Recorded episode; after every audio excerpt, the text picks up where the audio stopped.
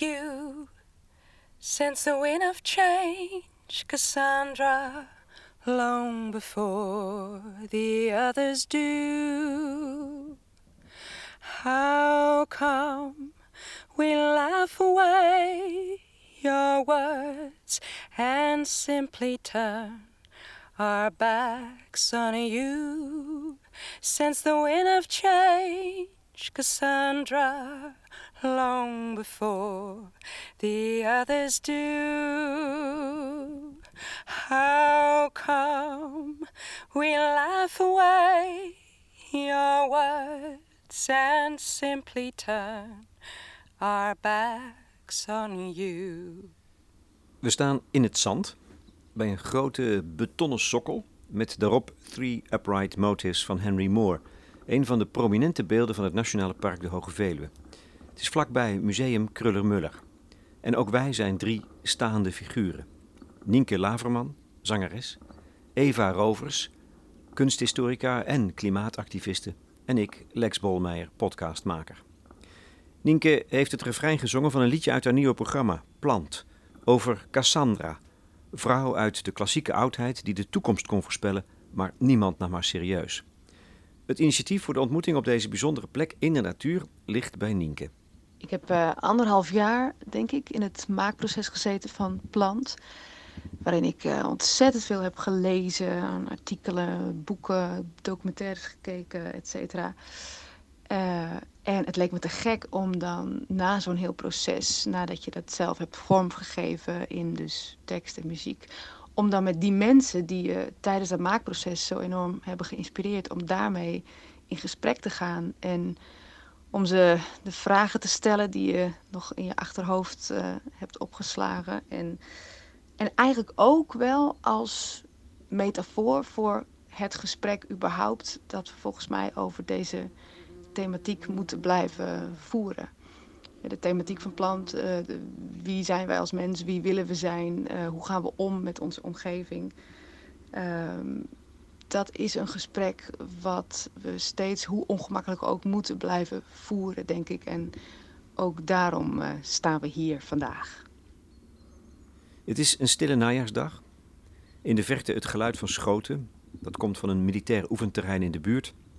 Personeel van het park is bezig met stofzuigen in het bos. Vlakbij staat een muur, geïsoleerd tegen de bosrand. Eva, de biografe van Helene Kruller-Muller, heeft deze plek uitgekozen.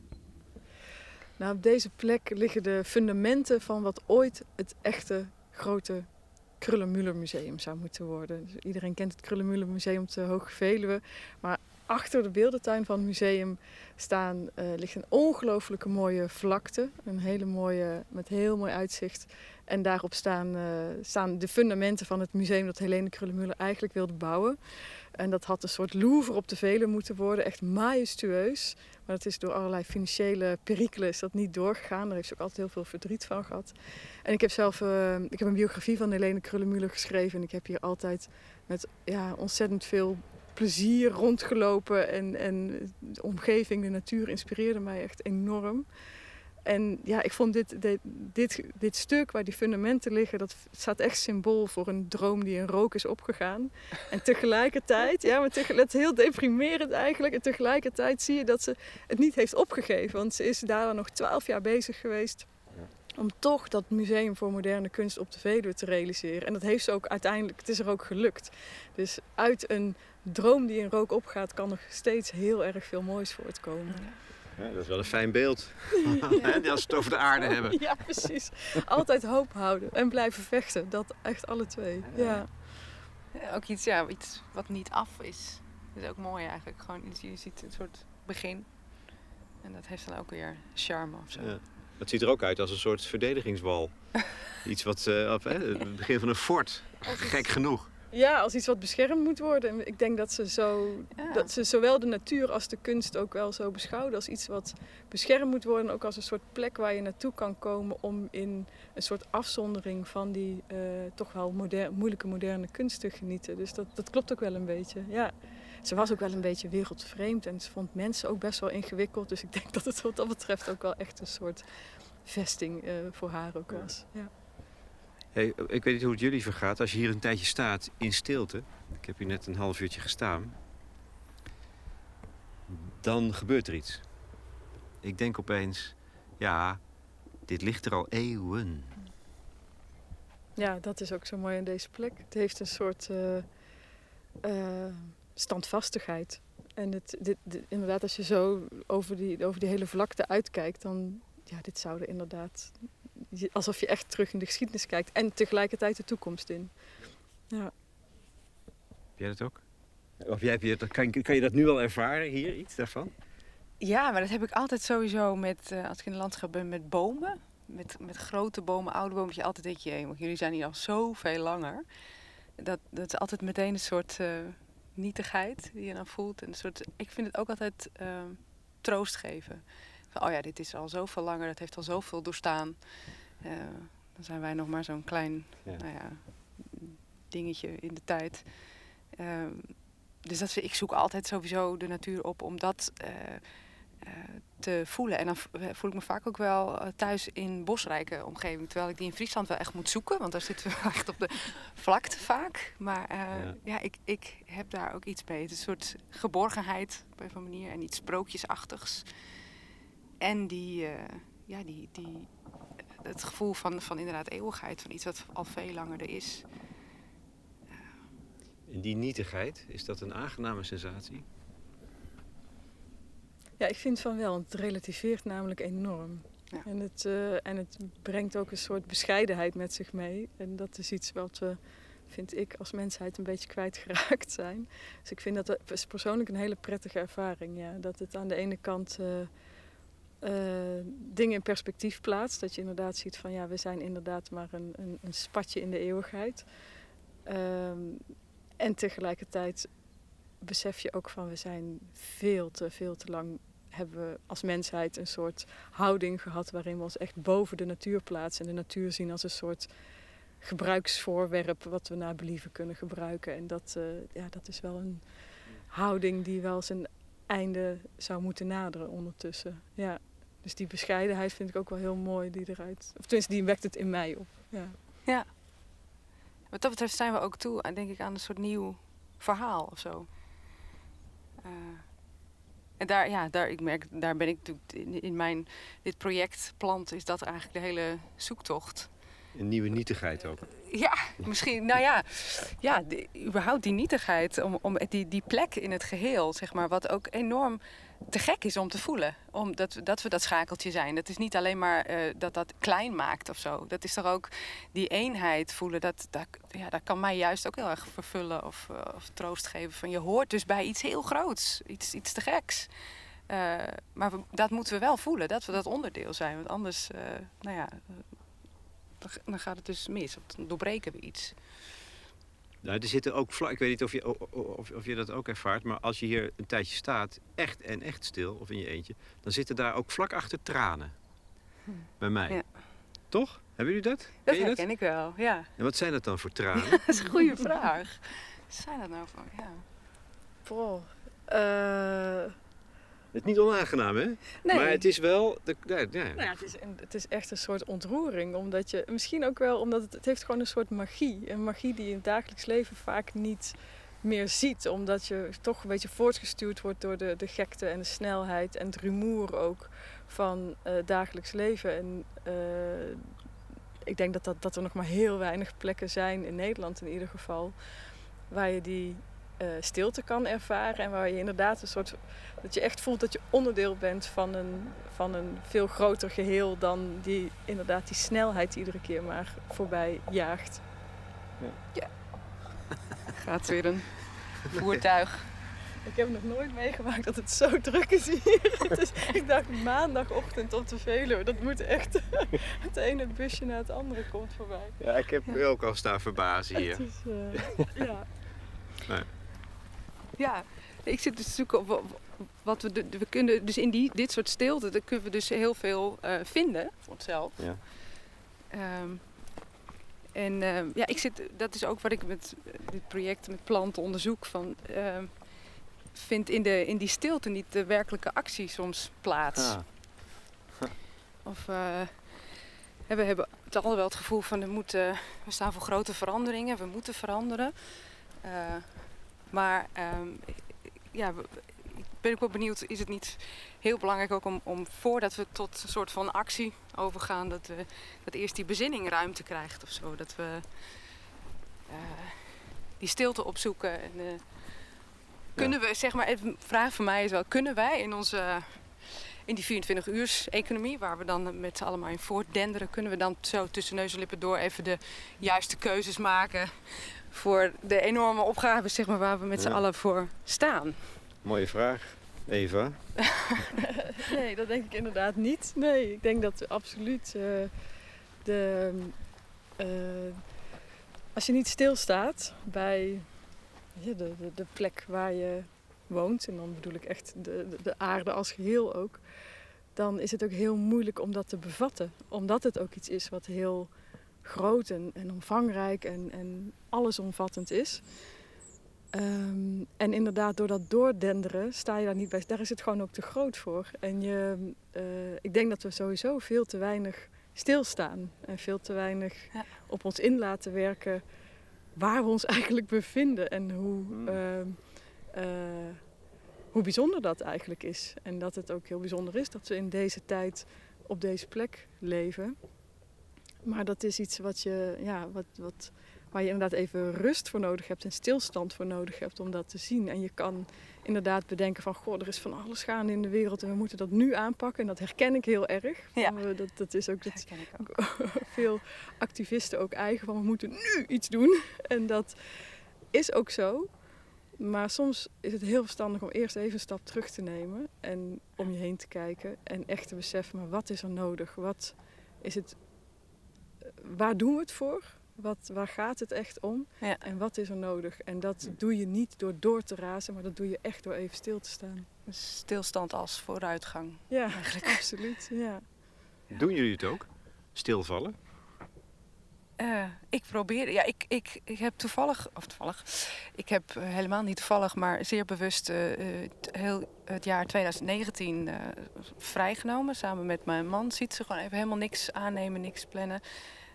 Om eigenlijk ook weer volledig zonder doel en zonder druk te kunnen nadenken en te kunnen broeden. en echt tijd te hebben voor bijvoorbeeld de opvoeding van mijn kinderen en te reizen, dat soort dingen. En als ik al zie wat dat heeft opgeleverd, dat is ongelooflijk. Eigenlijk dat je door dus tijd te nemen, dat je echt keuzes kunt maken, durft te maken. Eigenlijk dat in mijn ja, persoonlijke ontwikkeling zulke, dat je zulke stappen zet die je eigenlijk normaal niet. Ja, dan doe je de eigenlijk, als je dingen tussendoor moet doen, dan doe je de, eigenlijk de dingen die je al doet, die je al kent. Die en als je inderdaad zo'n pas op de plaats maakt, dan kom je toe aan de dingen die je nog niet durfde, of dan vallen de kwartjes. Die, dus daardoor dacht ik over jemig, als dit mij persoonlijk al zoveel oplevert, wat zou er gebeuren als wij met z'n allen een, weet ik veel, een sabbatical tussen aanhalingstekens zouden nemen en... Uh, nou ja, corona is het een beetje. Bijna. Corona doet wel zoiets. Leek het in ieder geval. Ja, toch? Ja. we hebben daar hoop op gehad. dat het iets fundamenteels, juist dat in het stilvallen, iets fundamenteels teweeg zou brengen. Ja, en dat was in het begin inderdaad, uh, voelde je dat ook heel erg. En er borrelden allemaal ideeën op vanuit alle hoeken in de samenleving van hoe we beter uit corona zouden voortkomen. En ja. dat heeft toch, vind ik, behoorlijk kort maar stand gehouden. En je ziet dat er toch heel snel weer een soort onrust ontstaat. En ook een verlangen naar onrust. En dat alles weer een beetje was zoals we het kenden. En dat, uh, ja, en dat drukt dat weg. En dat is ook logisch, hè? want op het moment, dat klinkt altijd heel mooi, van ze moeten stilvallen en stilstaan. En, ja. Maar het is ook hartstikke confronterend, want je komt er ook gewoon achter dat er heel veel dingen zijn waar je misschien helemaal niet over wil nadenken. Ja. En dat het wel prettig is om door te razen. En dat uh, de, de gedachten die in je opkomen misschien helemaal niet zo fijn zijn. En dat je die het liefst ook zou willen wegdrukken. Dus ik, ik snap dat verlangen naar die onrust ook heel erg goed. En wat zijn dat dan voor gedachten? Dat kan natuurlijk, dat is voor iedereen anders natuurlijk. Maar, uh, wat, is, wat is het dan voor, voor jou? Ja, ik wou zeggen voor mijzelf uh, is dat vaak wel echt een besef van dit gaat gewoon echt niet de goede kant op. En um, nou goed, ik, ik ik wandel heel veel en probeer ook echt iedere, iedere week een, een, lange wandeling te maken. En dat zijn echte momenten waarop je inderdaad uh, nou ja, het, razen even van je af kan zetten. En stilvalt. Maar dat betekent soms ook gewoon ja, ook best wel verdriet of zo. Verdriet over dat, het, ja, dat we op een hele bijzondere plek leven, maar dat we het helemaal kapot aan het maken zijn. En dat het ook volledig, dat, dat we het allemaal weten, dat we het al meer dan 30 jaar weten dat het ook onomstotelijk bewezen is. Dus, uh, wetenschap, politiek, iedereen weet het al meer dan 30 jaar dat we op deze manier uh, de boel echt ongelooflijk naar de knop aan het helpen zijn. En we doen er niks aan. En dat maakt mij ja, de ene keer is het moedeloos, de andere keer is het verdrietig, de andere keer is het pisnijdig. Het is, het, het, ja, dat, dat ligt er een beetje aan. Ja, en dat zijn niet altijd prettige gevoelens, nee. En dan is het wel dan is het makkelijker om niet stil te vallen en gewoon maar door te gaan en daar niet over na te denken. Ja. Maar dat, ja, dat, ik, ik dwing mezelf dan wel om dat gewoon toe te laten. En van daaruit, ik vind het ook een, het is ook een creatieve kracht die daardoor loskomt. Want juist vanuit die woede en vanuit die. Um, ik wil me namelijk niet moedeloos of machteloos voelen. Dus ik, ik wil die woede graag gebruiken om, iets, uh, om dan maar iets te doen. Om, om te kijken wat je dan wel kan doen. En dat, uh, ja, dat is ook weer een hele. Dat is ook weer een en daar ben ik ook nieuwsgierig naar hoe jij dat soort emoties die er dus onder zitten, die woede, hoe jij die weer omvormt naar iets uh, naar buiten toe. Want daar heb ik in dit proces ook best mee geworsteld. Ik kwam uh, dat soortzelfde emoties uh, enorm tegen. En ik merkte ook, ja, als ik die in zijn rauwe vorm uh, eruit gooi in een tekst of in een lied, dan werkt het ook helemaal niet. Dat is een soort. dan, ja, dan creëert dat meteen bij de luisteraar een soort afstand. En het vingertje komt dan heel erg boven. We zijn inderdaad verkeerd bezig. En kijk, nou, de, soort dat. ik dacht, oké, dit, dit is iets wat dus in de kunst helemaal niet werkt. Uh, ik, moet, ik moest echt heel verschillende fases door om een soort toon te vinden die dan ook uh, ontvangen kan worden, zeg maar.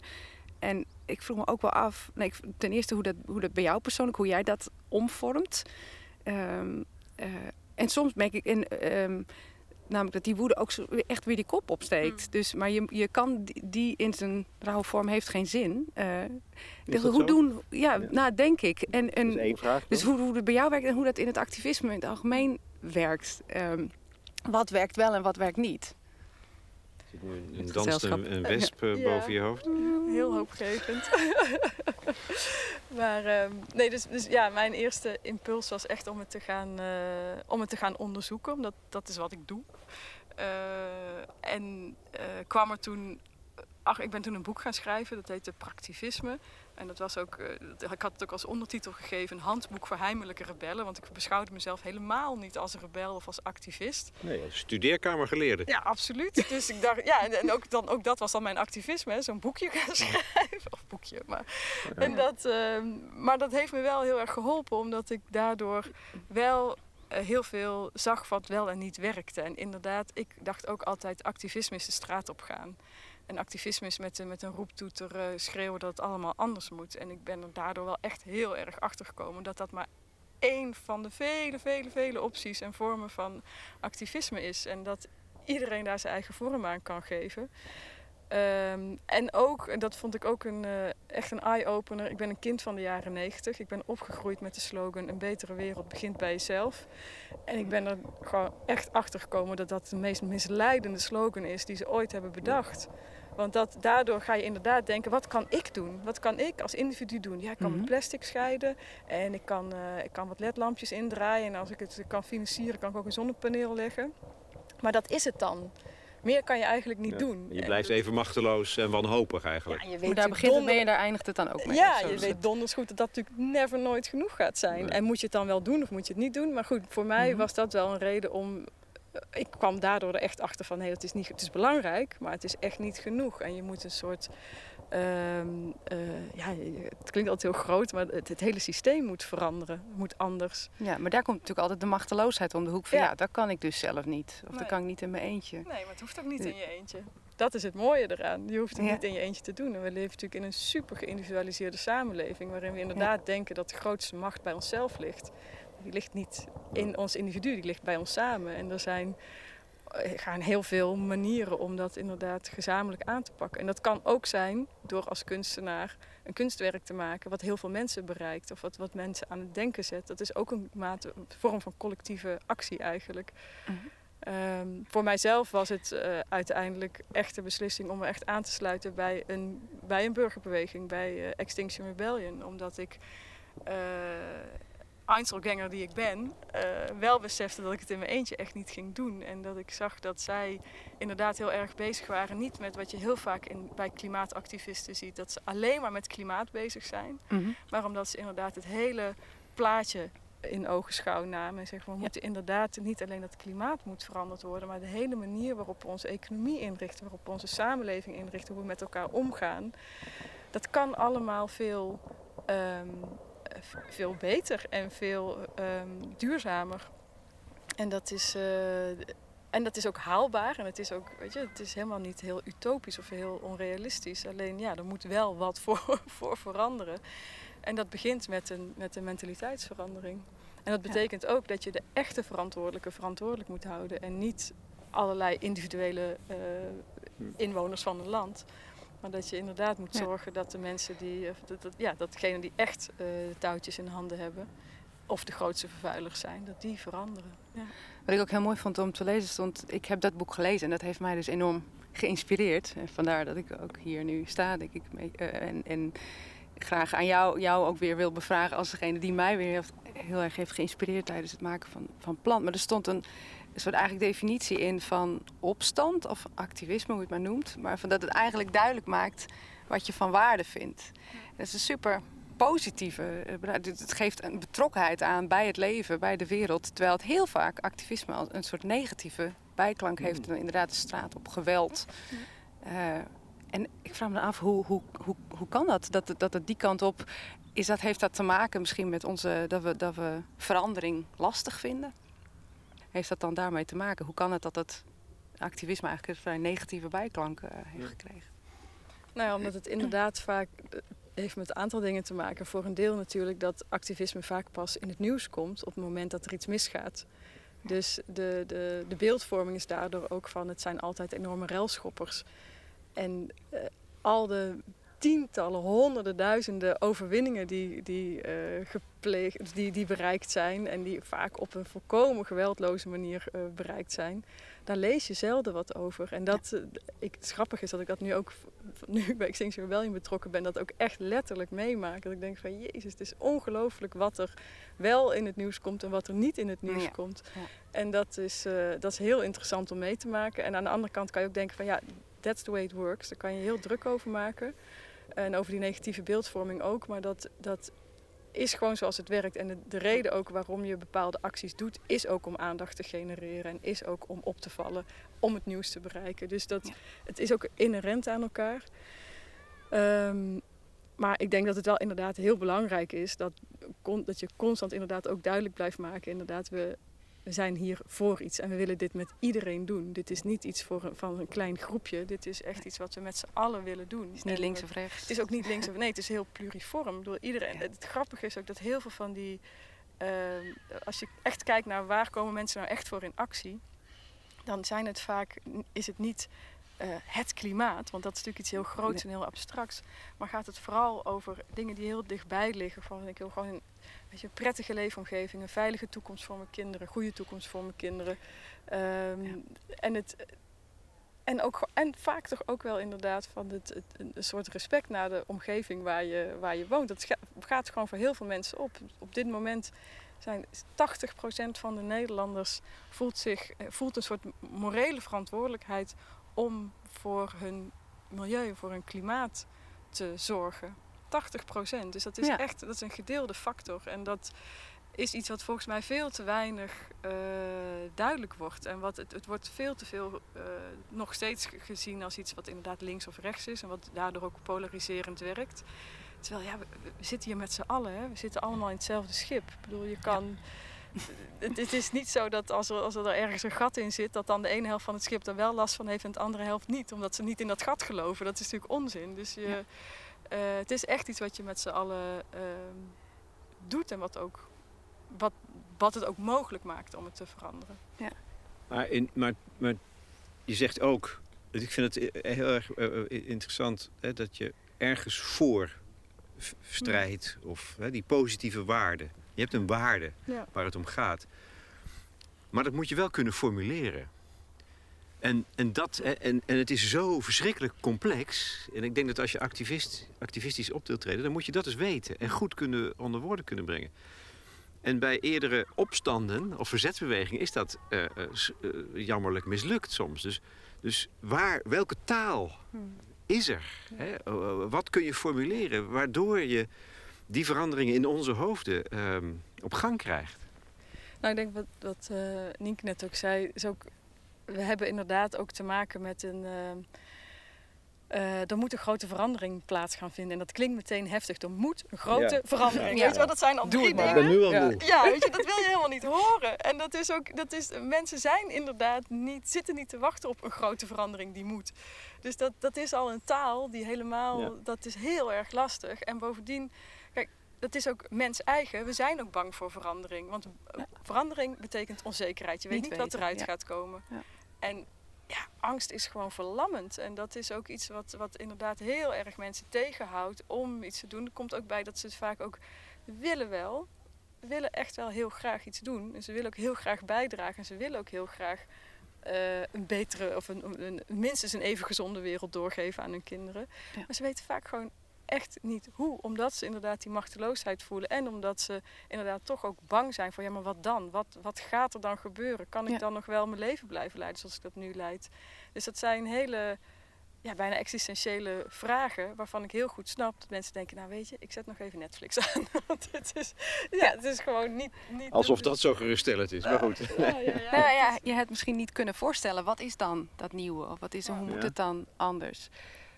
Ja, ja. Maar, is- maar is- Maar daar ligt ook een taak, denk ik. Ja. Daar ligt een taak eh, voor een deel bij, bij het activisme. Om, om niet met zo'n doom en gloom verhaal te komen. Maar mensen echt te vertellen van ja, maar dit is waar we heen gaan. Hè. Dit is echt heel mooi en heel tof. En dat, dat, kan, dat is voor iedereen beter. Ehm, eh, misschien iets minder voor multinationals, maar over het algemeen voor mensen is het over het algemeen echt een stuk beter. Eh, dus dat is, dat is, het kan ook gewoon een heel goed en heel inspirerend verhaal zijn. Maar dat is bij lange na niet genoeg. Ik denk wat heel belangrijk is, en daar ben ik de afgelopen eh, tijd heel veel mee bezig geweest, is dat je mensen ook eh, de politieke verantwoordelijkheid geeft. Dus we hebben al jaren geprobeerd om een goed verhaal te vertellen. En inderdaad de goede taal te vinden. En iedere keer wordt er inderdaad gezegd van nou, het moet op een aansprekende manier en mensen moeten het begrijpen. Maar dat lukt blijkbaar niet. En, en in ieder geval, daar zijn we nog niet. Maar er zijn natuurlijk nog wel meer mensen, me- meer manieren om mensen ehm, te laten voelen dat het ook anders kan. En ehm, Welke manieren denk je dan?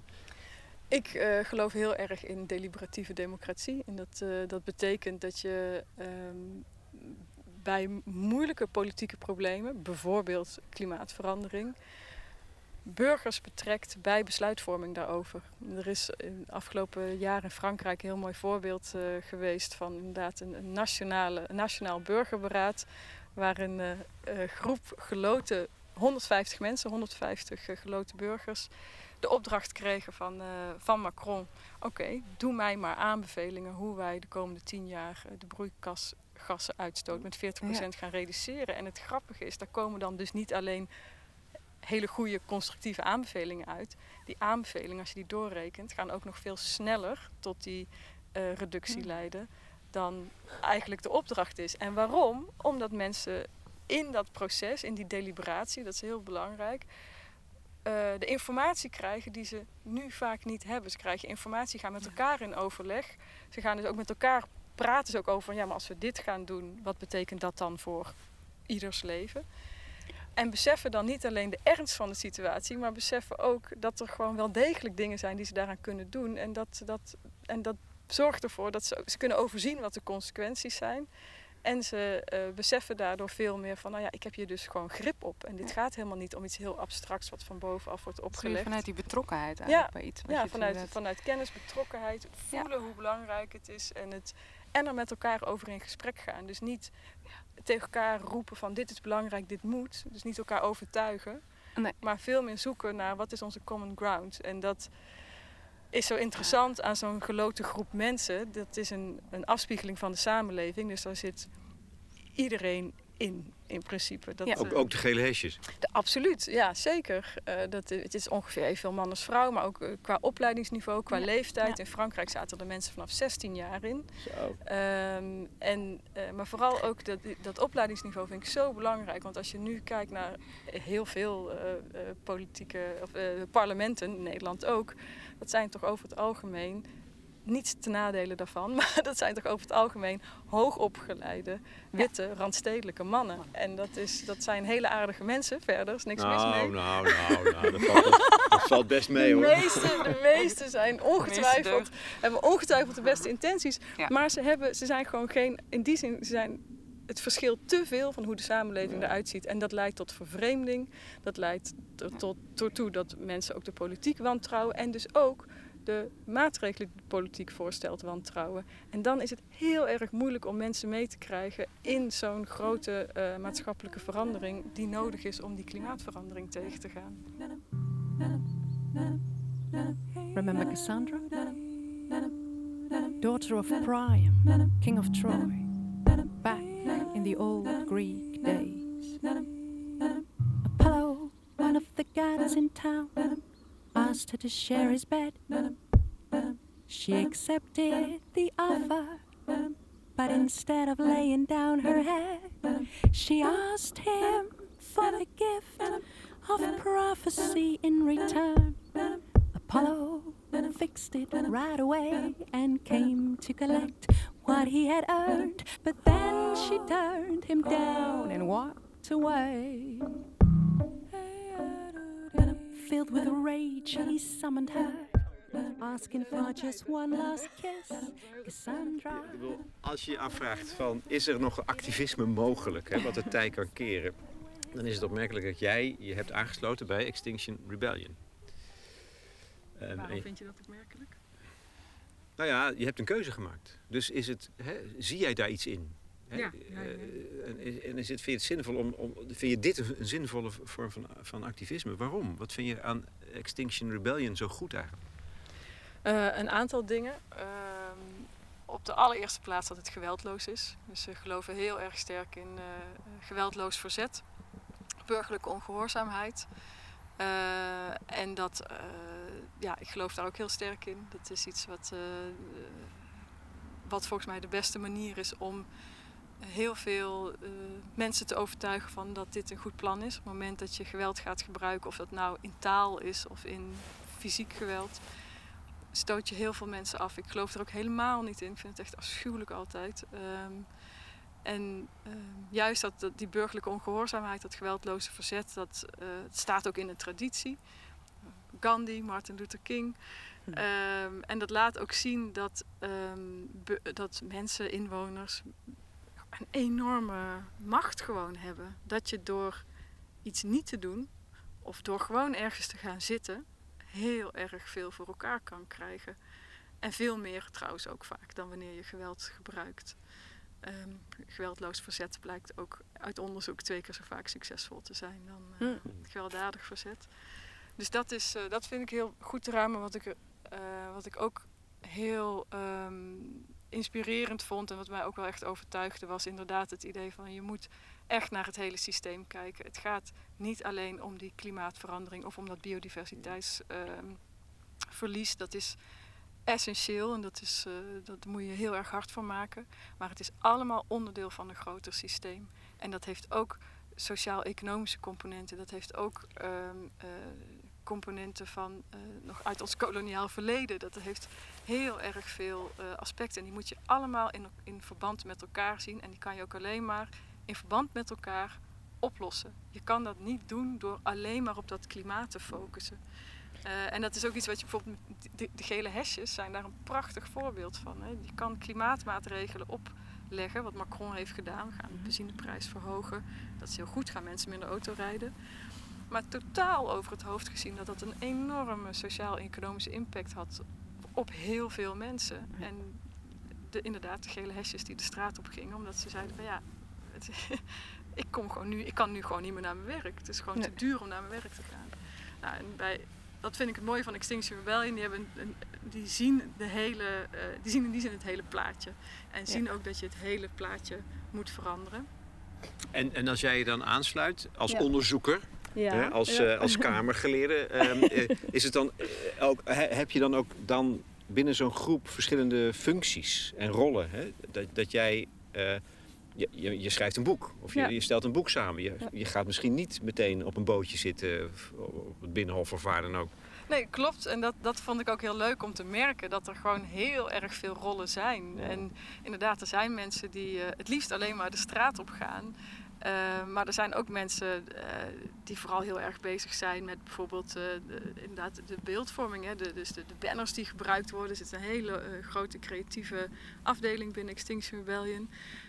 Um, maar ook inderdaad heel veel mensen die bezig zijn met uh, politieke strategie. Dus echt nadenken over, we willen, um, want dat vond ik namelijk ook een hele belangrijke, dat zij dus echt als een van de eerste in Nederland, zo niet de eerste in Nederland, uh, gingen pleiten voor die burgerberaden. Toen dacht ik, jullie snappen het echt. Jullie hebben echt door. Ze zeggen, Extinction Rebellion zegt niet. Uh, klimaatverandering is een probleem en wij gaan zeggen hoe we het op gaan lossen. Nee, ze zeggen klimaatverandering is een heel groot probleem. Biodiversiteitsverlies is een heel groot probleem. En laten we nou eens met de hele samenleving samen gaan bedenken hoe we dat gaan oplossen. Dus het is ook niet, ze gaan het ook niet, ze trekken het in die zin niet naar zichzelf toe. Ze zeggen wij hebben de waarheid in, in pacht en wij zeggen hoe het moet. Um, en inderdaad, dat zorgt er dus voor dat er heel veel verschillende rollen zijn. Want je hebt daarbinnen ook dan mensen nodig die inderdaad met politici gaan praten, die met beleidsmakers gaan praten, die weten hoe zo'n hele politieke cirkel uh, uh, werkt. Uh, maar ook mensen die bijvoorbeeld heel goed zijn in, in praatjes geven en die gewoon bibliotheken en, en, en uh, gemeentehuizen afgaan om daar gewoon te vertellen over de staat van het klimaat en hoe we dat kunnen gaan veranderen. Dus dat, er zijn heel veel verschillende rollen en voor mij uh, was het in eerste instantie inderdaad van nou laat mij maar even op veilig gebied. Ik ga eerst even uh, een, een, boek samenstellen. Ja. um, maar ja, kwam het natuurlijk hoe meer je daarbij betrokken bent en de, je raakt natuurlijk nog meer bewust van de ernst van de mm-hmm. situatie. En dan besef je ook wel van ja, je, moet echt, uh, het gaat om alles. Het is het, uh, ik wil ook mijn gezicht laten zien uh, bij een demonstratie. Ik wil ook mee op straat zitten. Ik wil ook, weet je, dit is echt. Het was ook uit verlangen denk ik om meer te doen. Want als schrijver ja. doe je natuurlijk al dingen aan die bewustwording. Maar... Ja, en dat is, en dat is uh, en het, het, het, vult elkaar allemaal aan. Ja. En het, maar het is inderdaad wel zo dat ik denk van ja, je, um, er is een uh, hele mooie uitspraak. Als je niet in het gevaar begeeft, dan kom je erin om. En dat is zo inderdaad. Je, ik mm. kan wel heel veilig in mijn, uh, achter mijn bureautje blijven zitten. Maar, maar dat is schijnveilig. Dat, dat is schijnveiligheid, ja. En je, je, je moet echt de powers that be aanspreken en in de ogen kijken en zeggen van jongens, dit gaat echt niet. En de, de burgerlijke gehoorzaamheid is misschien wel onze grootste vijand. Is het grootste, is hmm. zoveel gevaarlijker dan de burgerlijke ongehoorzaamheid. Want we zijn allemaal ontzettend gehoorzaam. Gehoorzaam aan een systeem waarin armoede mag bestaan, waarin destructie mag bestaan. We zijn gehoorzaam aan een systeem waarin extreme ongelijkheid is. Ja. En waarin we inderdaad totaal de toekomst niet uh, voor ogen houden.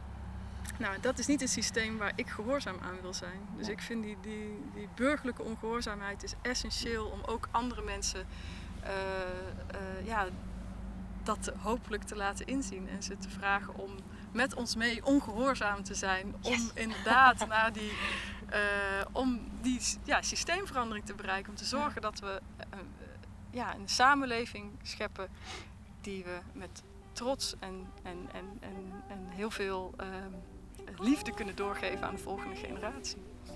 Prophet of doom, declared insane, declared insane, declared insane, declared insane. You sense the wind of change, Cassandra, long before the others do.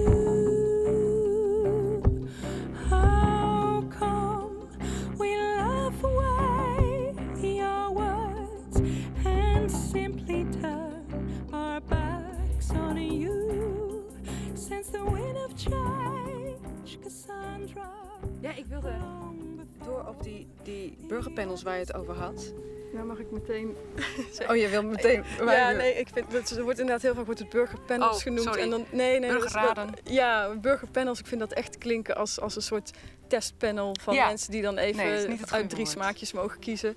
Ja. En bij burgerberaad zit echt dat zich beraden erin. En dat zorgt, dat is gewoon, da- daarin mogen mensen zelf de smaken ontwikkelen. Dus Ja, dat is, ja. dus, maar dat is even mijn. eh, Ja, de taal is belangrijk. Ja, dat, is ja, echt, dat ja, maakt dat zoveel is uit. nogal, ja. je? Ja. ja, dat weet jij ook. Daar weet ik alles van.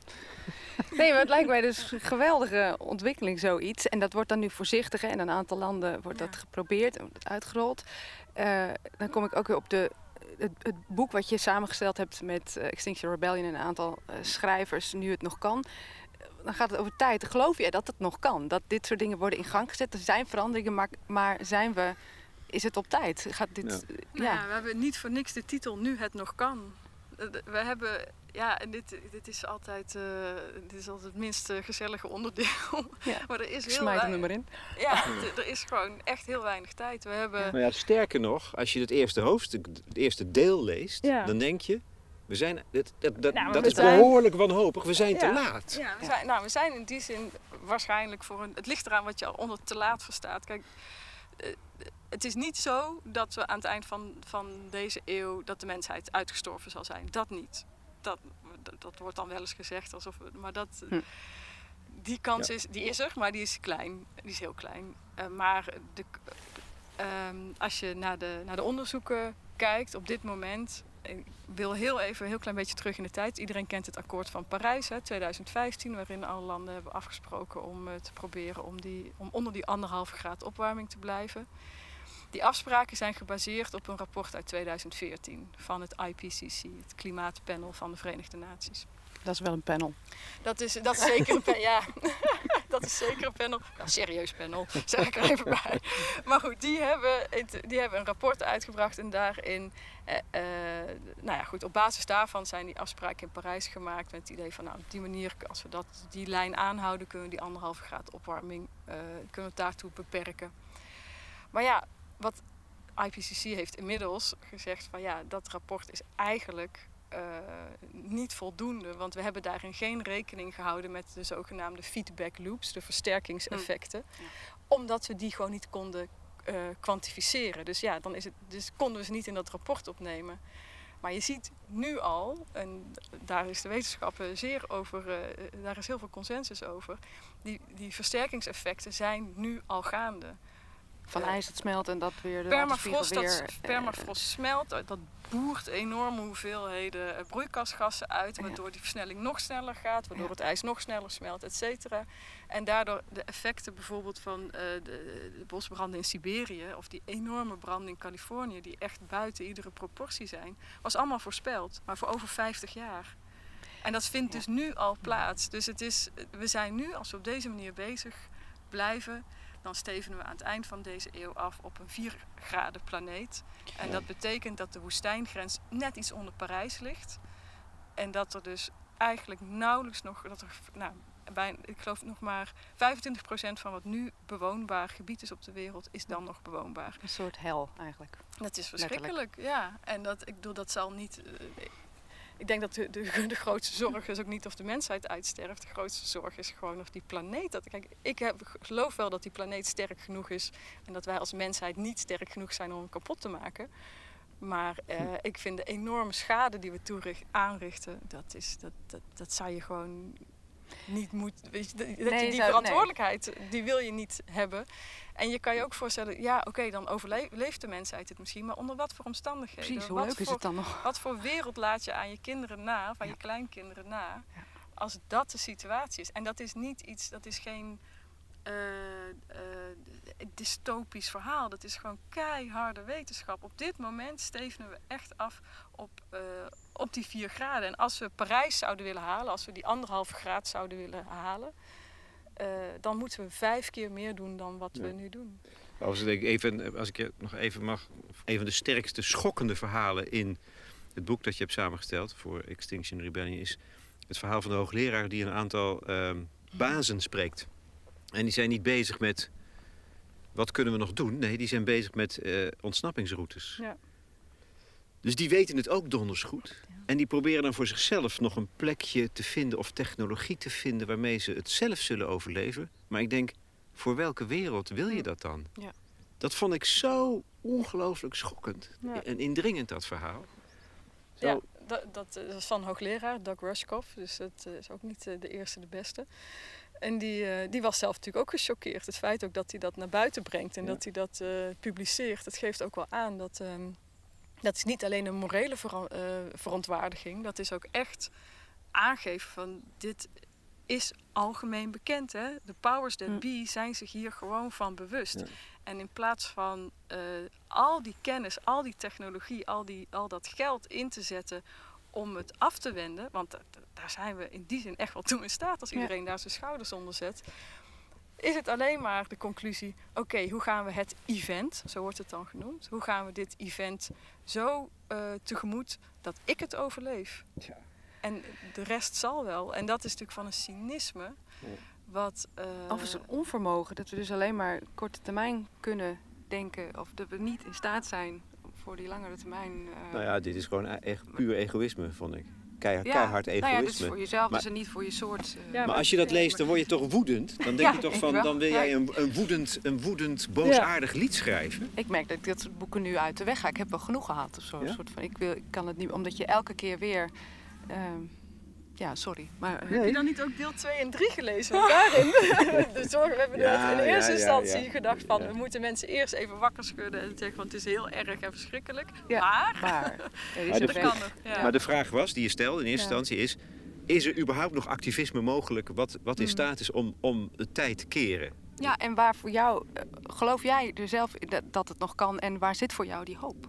Waar- Eh, de hoop zit paradoxaal genoeg toch in de mensheid. Omdat ik, eh, ja, ik denk eh, hoe teleurgesteld ik daar soms ook over ben. ik ook wel zie dat over het algemeen mensen eigenlijk niks anders willen dan een goed leven voor de mensen om hen heen. En dat ze inderdaad iets goeds willen doorgeven aan volgende generaties. En ik denk als je van daaruit kan werken, ehm, dan is er heel erg veel mogelijk. Alleen de, ja, de- wat heel erg belangrijk is, dat mensen zich bewust worden van wat er op dit moment gaande is en hoe ernstig dat is. En dat ze eh, die wensen die ze voor zichzelf en voor hun kinderen koesteren, dat die echt in gevaar zijn. De urgentie moet Ja, ja, doordringen. ja en dat, dat, dat, dat doe je deels door, eh, door activisme, eh, inderdaad de straat op gaan. Maar dat doe je ook gewoon door, dat is namelijk ook activisme, met heel veel mensen gaan praten. Ja. Met heel veel, met, met mensen, met, met politici, met, eh, met CEO's, met, noem het maar op. En dat eh, om te zorgen dat het een, een verhaal wordt wat niet alleen maar op het nieuws is, maar iets wat mensen echt eh, nou ja, gewoon in hun dagelijks leven te horen krijgen. En die verandering is voor een deel ook al gaande. Het gaat lange na niet snel genoeg. Maar het is, eh, er is wel wat aan het veranderen. Dus daar moet je ook naar kijken. Je moet niet alleen kijken naar wat er niet goed gaat. Want dan Daar moet word je je energie inderdaad uithalen. ontzettend depressief van. Ja. Maar je moet echt kijken naar wat gebeurt er wel. En dan vind ik inderdaad zo'n burgerberaad in Frankrijk vind ik heel erg hoopvol.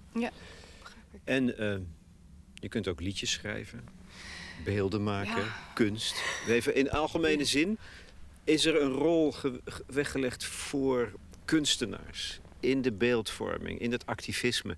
We hadden het net over op zoek naar de juiste woorden, maar misschien ook wel op zoek naar de juiste beelden. Hè, die nog voorbij eh, de taal gaan, maar je in, je in je ziel raken. Waardoor er misschien ook eh, eh, de behoefte vrijkomt om in beweging te komen. Ja, en ik denk dat het mooie van, van kunst ook is dat dat niet op een letterlijke manier hoeft. Want iedereen kent wel de beelden van die zielige ijsbeer op die ijsschots. En iedereen kent wel Ja. de beelden van verbrande oerwouden. Eh, en het mooie van kunst is dat het daar voorbij kan gaan. En dat het ehm, eh, iets aanspreekt in mensen wat je als kunstenaar ook niet weet. Dat het, je weet niet wat het precies gaat raken in Ja. mensen. Maar dat is precies hetgeen, dat is, ik denk ook gewoon het menselijke contact erin. Wat eh, zorgt dat mensen in één keer toch naar, op een andere manier naar iets kunnen kijken. Of er anders over gaan voelen. En dat is heel erg belangrijk. Dat is, eh, ik denk dat daar het, het grootste, eh, de grootste verandering ook gemaakt kan worden. En dat is niet door antwoorden te bieden, maar eigenlijk juist door vragen op te roepen. Het met z'n allen zoeken eigenlijk. Ja, Is dat wat je aan het doen bent als je dan als jij nu aan het project Plant Ja, werkt? ja, dat is ook een inzicht wat later kwam. In eerste instantie probeer je dus eh, de toon te vinden om al die gedachten die je hebt eh, te verwoorden. En daar zijn al een stuk of elf liedjes eh, uitgekomen. Eh, maar uiteindelijk dachten we ook, ja, het belangrijkste gaan we vertellen. In een, en dat hebben we nu vormgegeven in een soort slotstuk in die voorstelling. ehm, wat we niet weten. Dus dat wordt een stuk, dus alleen een pianothema, wat Sietse herhaalt. Maar wat die, en ik heb geen tekst, ik heb geen melodie, ik heb geen, er is geen structuur. We weten niet hoe lang dat stuk gaat duren. Dus je tijdsbeleving laat je eh, los. En dat vind ik ontzettend spannend, want ik heb altijd gezegd, nou, ik ben iemand die niet kan improviseren. Dat ga ik nooit doen, want ik hou ook graag de controle. Dus dit is voor het eerst, het ook weer, denk ik, dankzij dat jaar, Ja. tijd nemen, dat je dan zo'n stap ineens wel durft te zetten. Maar dat we ons ook realiseerden, ja, daar zit het. Dus we bereiden met die, je krijgt eerst van alles eh, langs, aan muziek, aan beelden, aan teksten. En daarna gaan we ja, de stilte tussen aanhalingstekens in, of het niet weten omdat ik uiteindelijk ook denk dat dat zo belangrijk is om dat met z'n allen te omarmen. Hoewel dat nooit in eerste instantie leuk is of zo. Dan moet je altijd, je moet, het is een soort weerstand. Dat is ook in een maakproces. Eerst moet je zo'n onzekere fase in van, eh, is dit eigenlijk wel goed? Wat ben je nou eigenlijk aan het doen? En dat je het, dat je het niet vindt. En dat, altijd weer dat moet je door om dan ergens te komen. Maar je leert dus als kunstenaar wel vertrouwen op dat die fase nodig is. Dat die misschien wel essentieel is. Eh, dus we dachten, volgens mij moeten we dat aangaan eh, in die voorstelling. En kijken wat dat dan oplevert. Geen idee. Het is Ja. een soort een... Nou ja, als gedeelde ervaring dus. Ja. Hè? Als ervaring die je ook met het publiek deelt van... oké, je weet het niet, maar misschien dat je daardoor heen... Misschien opent het iets. eh, ja. Jij hebt Plant gehoord, hè? Of er is één, één lied uit. Of twee, je hebt twee liedjes gehoord. Nee, één. Eén, Cassandra. Oké, ja, oké. Ja, ja, ja. En eh, ja, ik vond het eh, eh, ja, ongelooflijk raak. En heel... ehm, eh, ik probeer even cliché-termen als mooi en hartverscheurend te vermijden. Dat is het ook. Dat is het ook. Het is... eh, Wat is raak, zeg je? Wat, ra- wat ra- raakt je? Nou ja, omdat het, het gaat over, eh, over Cassandra. Over de vrouw die...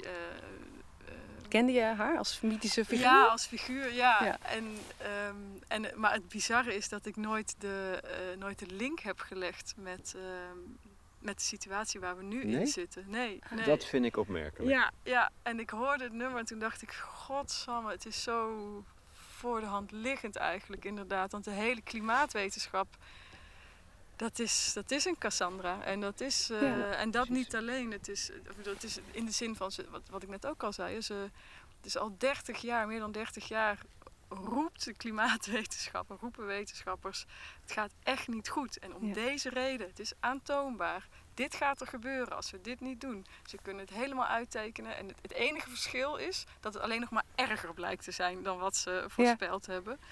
Ehm, Misschien moeten we even schetsen wat Cassandra in de Ja, mythologie, of tenminste... Nou ja, eh, ja dat- zeker. namelijk, ik wist dat ook niet precies, maar zij is een figuur die eigenlijk de gave van de toekomstvoorspelling verkrijgt door een bepaalde belofte te doen. Vervolgens komt ze die belofte niet na en dan wordt die gave eigenlijk omgezet in een vloek. Dus zij kan de toekomst eh, inzien en voorspellen, maar er wordt niet naar haar geluisterd. Dat is de, de vloek die ze meekrijgt. Dus zij krijgt ook achteraf gelijk. Ze voorspelt de ondergang van Troje. En haar hele familie gaat daarbij ten onder, maar zij is daarin niet eh, gehoord. Aan het begin van de, van de geschiedenis van de mens staat zij al. Hè? Dat vind ik ook Oh, zo opmerkelijk. Ja. Ja. in feite wel. Ja, Ja, we gaan terug naar, Ag- naar Agamemnon, naar Aeschylus, naar de eerste tragedieschrijvers. Dus, dus dat, ja, aan aan het begin van de mensheid in ieder geval in geschreven taal. Ja. En Dan, eh, eh, dan, dan is dat er al. Ja. Dat- maar dan had je vroeger dus ja, profeten of wijze Ja. mannen, eh, vrouwen die iets riepen. En dan dat je nu bijna denkt, van, ja, de wetenschap is bijna dus iets geworden waarin je kan geloven of niet. Eh, Ja. En is de wetenschap nu ook bijna een soort Cassandra eh, aan het worden. Nou, dat is het gewoon. Dat is het. Een, eh, het, het, ehm, als je de wetenschap namelijk niet als een Cassandra zou beschouwen, dan zou natuurlijk de wereld er op dit moment heel anders uitzien. Als je, als je inderdaad die voorspellingen van eh, het IPCC, maar gewoon van klimaatwetenschappers. eh, ehm, en biodiversiteitswetenschappers, want we hebben het nu alleen over Ja. klimaat, maar de hele ondergang van de bio- biodiversiteit is natuurlijk eh, nog, een, nog een hele crisis apart. als je al die voorspellingen, onderbouwde wetenschappelijke voorspellingen, serieus zou nemen, ter harte zou nemen, dan zou je natuurlijk als de sodemieter aan de gang gaan om daar iets aan te doen. En dat, en dat gebeurt niet. Dus het is, in die zin vind ik het een ongelooflijk treffende, ehm, eh, treffend symbool of eh, eh, beeldspraak. En wat ik ook heel erg mooi vind, is inderdaad, je zingt ook inderdaad over het paard van Troje. En toen ik dat de eerste keer hoorde, dacht ik, ja, dit is, dit is echt zoals het nu ook gaat. Gewoon, onze welvaart is gewoon ons paard van ja, Troje. ja. Dat hebben we hier binnengehaald. En dat is iets Ja, wat, wat Luid we- gejuich. een luid gejuich en het grootste feest. En fantastisch kijken naar onze God, ja, almaar, groeiende welvaart. En het is precies dat wat ons naar de, naar de afgrond leidt. En wat onze ondergang gaat zijn. Het geloof in die almaar, dat het allemaal maar meer moet worden. eeuwige dat, groei, Dat ja. eeuwige groei is. Dat is, dat, dat is, ik vond dat frappant. Ja, heel mooi. En, en als je dan opeens beseft, oh, Cassandra, maar dat ben ik dus ook. Voel jij jezelf wel eens een Cassandra? Ja. Dat vroeg me ook Ja. af. Als je, je spreekt veel, je, je eh, eh, schrijft boeken, je probeert dat verhaal. Ja. eh, eh, voel je je gehoord? Ik voel me wel gehoord, ja. Ik voel me in die zin, ik vind het. ehm, het, het wisselt inderdaad. Het wisselt ook inderdaad, uiteraard ook voor wat voor publiek je staat. Maar ik, ik merk wel dat mensen, ehm, en eigenlijk wel van links tot rechts, ehm, echt wel beseffen dat er, eh, dat er iets aan de hand is en dat er iets moet gebeuren. En ik denk dat dat tien jaar geleden anders was. Ehm, en ook als het, als het gaat over. Dat, ik was toevallig een paar weken geleden op een, eh, op een soort congres. waar eh, nou ja, wetenschappers, CEO's, politici, als iedereen bij elkaar.